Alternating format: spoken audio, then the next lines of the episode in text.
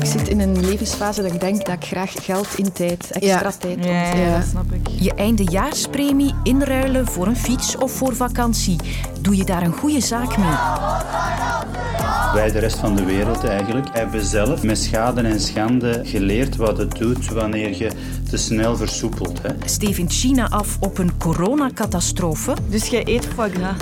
Als het er Allee, dat kun je toch perfect laten liggen? How to pronounce with the typical French pronunciation foie gras. En hoort foie gras nog op de feesttafel? De antwoorden krijg je op een dienblaadje in dit kwartier. Jouw ober Sophie van der Donkt. Welkom.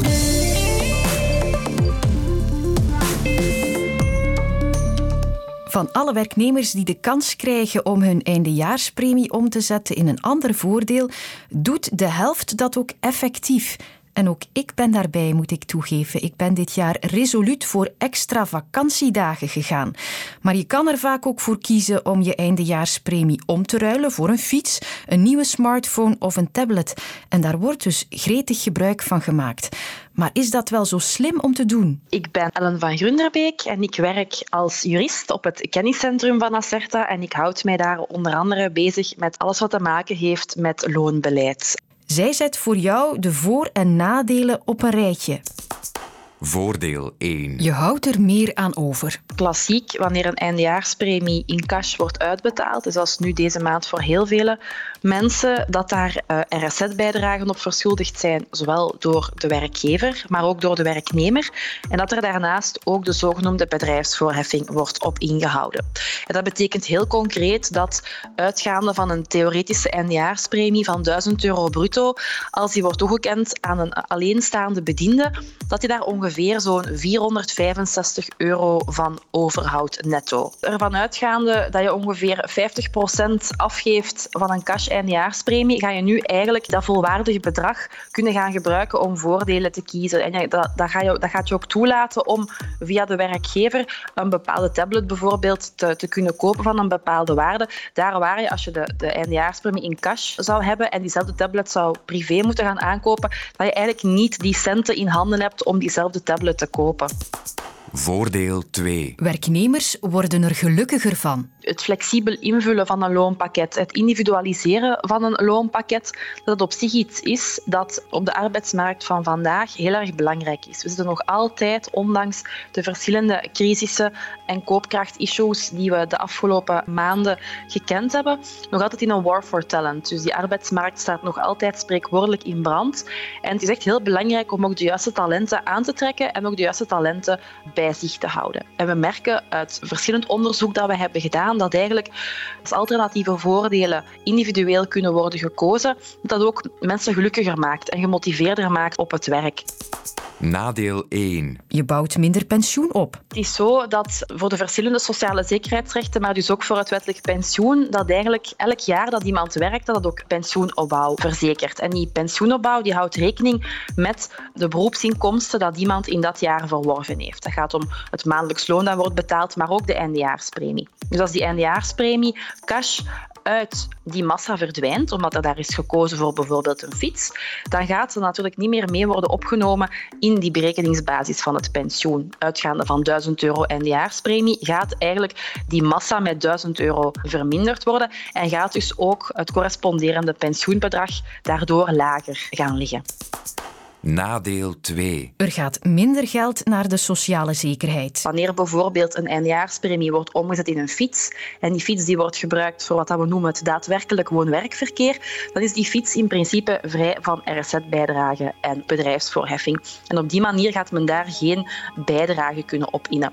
Kiest men bijvoorbeeld voor een tablet, dan gaat men daar natuurlijk wel een stukje voordeel alle aard op voorzien voor het privégebruik. Daar wordt wel RSZ op betaald, maar niet, die basis is niet dezelfde als een volledige cash-eindejaarspremie.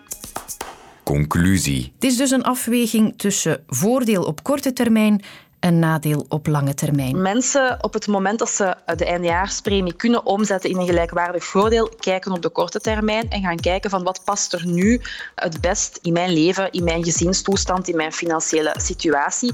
En dan maken ze de keuze voor het cash-element dan wel voor bijvoorbeeld de fiets of de laatste nieuwe smartphone.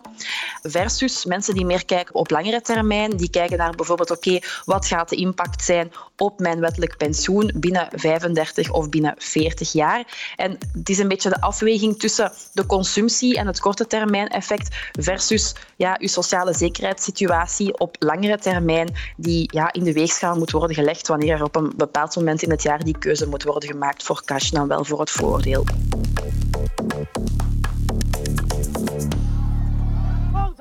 Onheilsberichten uit China trokken mijn aandacht vandaag.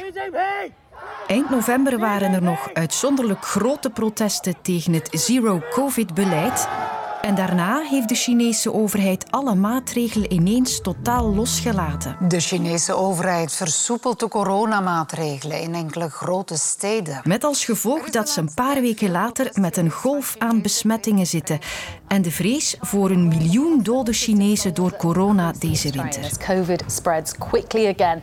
It comes after the government's decision to abandon its zero COVID Bijna approach. iedereen die ik vandaag contacteerde heeft het zelf te pakken nu.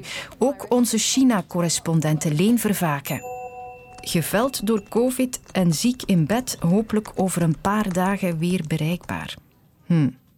Geen nood. Ik vond nog een Belg die er alweer bijna bovenop is. Bij ons valt het nu eh, mee, dus we hebben ook een paar dagen hogere koorts gehad, maar dus eigenlijk langzaam komt dat een beetje op zijn positieve terug. Dat is bedrijfsleider Jan van Loon. Ik ben eh, sinds 2004 grotendeels in China, dus eerst eh, Peking geweest voor vijf jaar, dan een jaar Hongkong en het meest van de tijd daarna eigenlijk in Shanghai. Hoe is dat bij jullie verlopen, die plotse verandering? Dat is eigenlijk heel on-Chinees en ik denk voor vele Chinezen eigenlijk ook te snel. Geen inloopfase, ehm, heel dramatisch van de ene dag op de andere eigenlijk een beetje. En we hebben dat eh, gezien aan, aan kleine dingen. Plotseling de teststations die verdwenen zijn. Bijvoorbeeld, wij zitten nu in Hainan naar Hainan. Het moment die wij geboekt hebben, moesten we nog drie dagen quarantaine maken in het hotel. Uh, dan konden we pas uh, het hotel verlaten om, om dus verder verlof te nemen. Um, plotseling was dat weggevallen. Dus plotseling kon je vanaf dag één uh, doen wat je wou. en het is die dramatische, die plotse omschakeling dat eigenlijk veel mensen ook een beetje off-guard genomen heeft. Hoe gaan de Chinezen om met die vrijheid die daar dan plots was?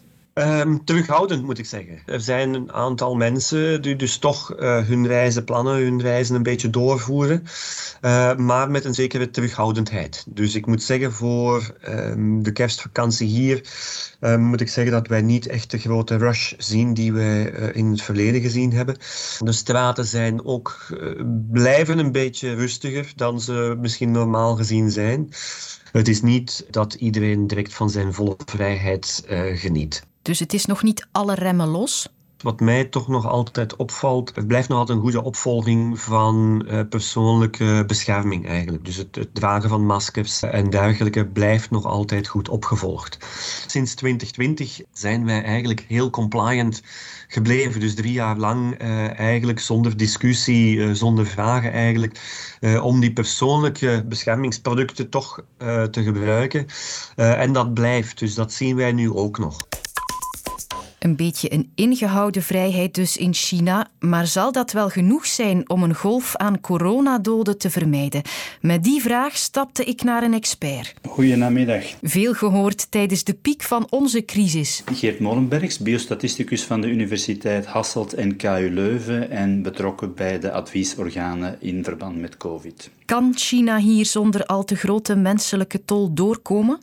Waarschijnlijk niet. Hè. Uh, grote delen van het land zijn eigenlijk uh, nog nooit besmet geweest. En ja, het algemene aanvoelen is toch nog altijd dat de Chinese vaccins niet zo werkzaam zijn. Dat hebben we al in het begin gezien, ook in landen waar die vaccins gebruikt zijn buiten China. Chili was een voorbeeld.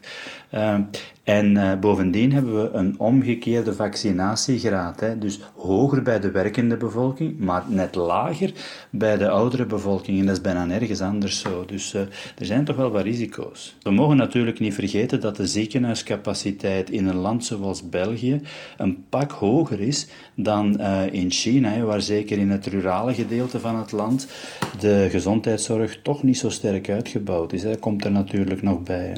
Als het virus daar nu zo hard circuleert, kan dat overwaaien en hier ook weer problemen veroorzaken? We zijn nu toch in de rest van de wereld, ook in het Westen, ook in Europa, behoorlijk uh, ver gevorderd in de, in de pandemie. Dat wil zeggen, door de besmettingsgeschiedenis die we gehad hebben, heel veel mensen zijn één, twee, drie keer besmet geweest ondertussen. Door de goede vaccinatiegraad hebben wij toch wel een verdedigingsmuur die men in China zelf uh, niet heeft op deze manier.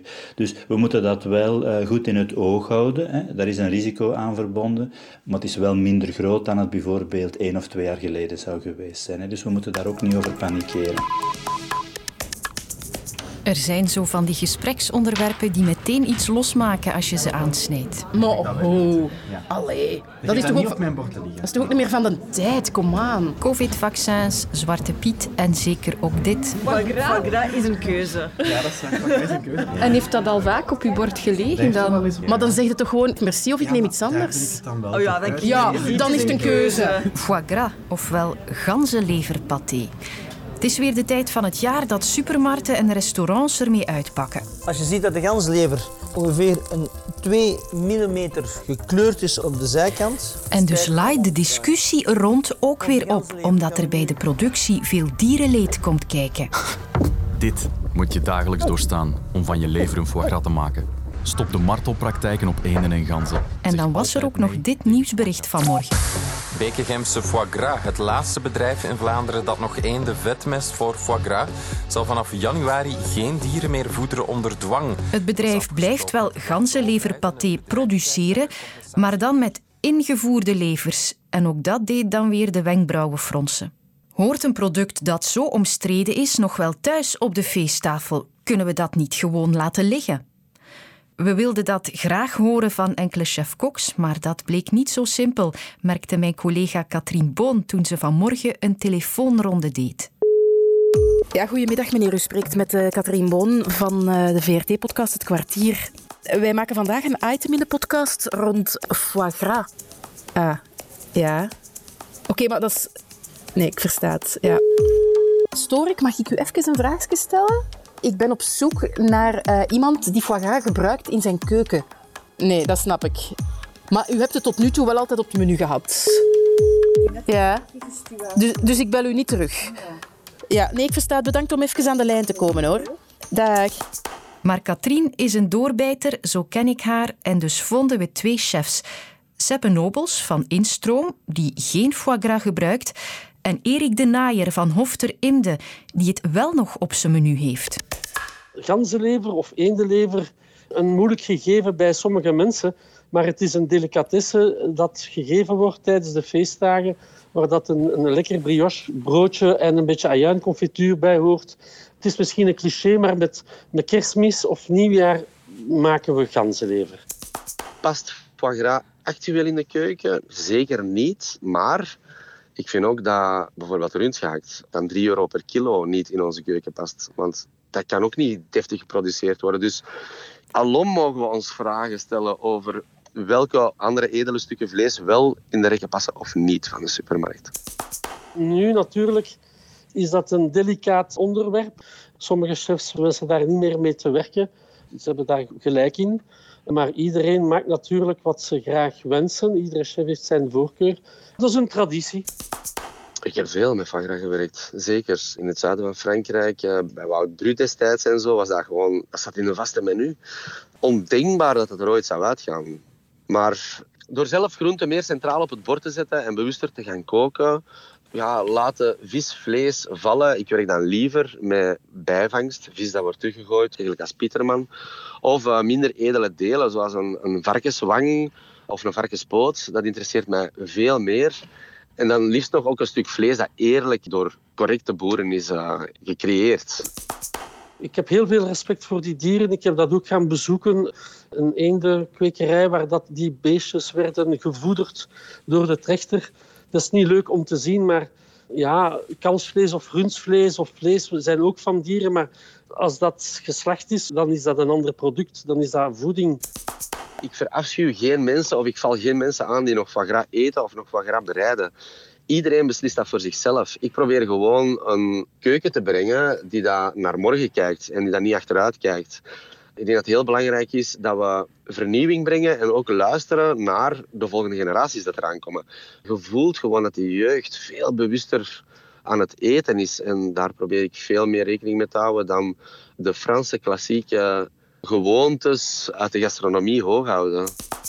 Dat is niet gemakkelijk, maar het is zo. Ik vind dat er dat bij hoort tijdens de feestdagen. En nog liever heb ik dat het kwartier bij jouw dagelijkse routine gaat horen.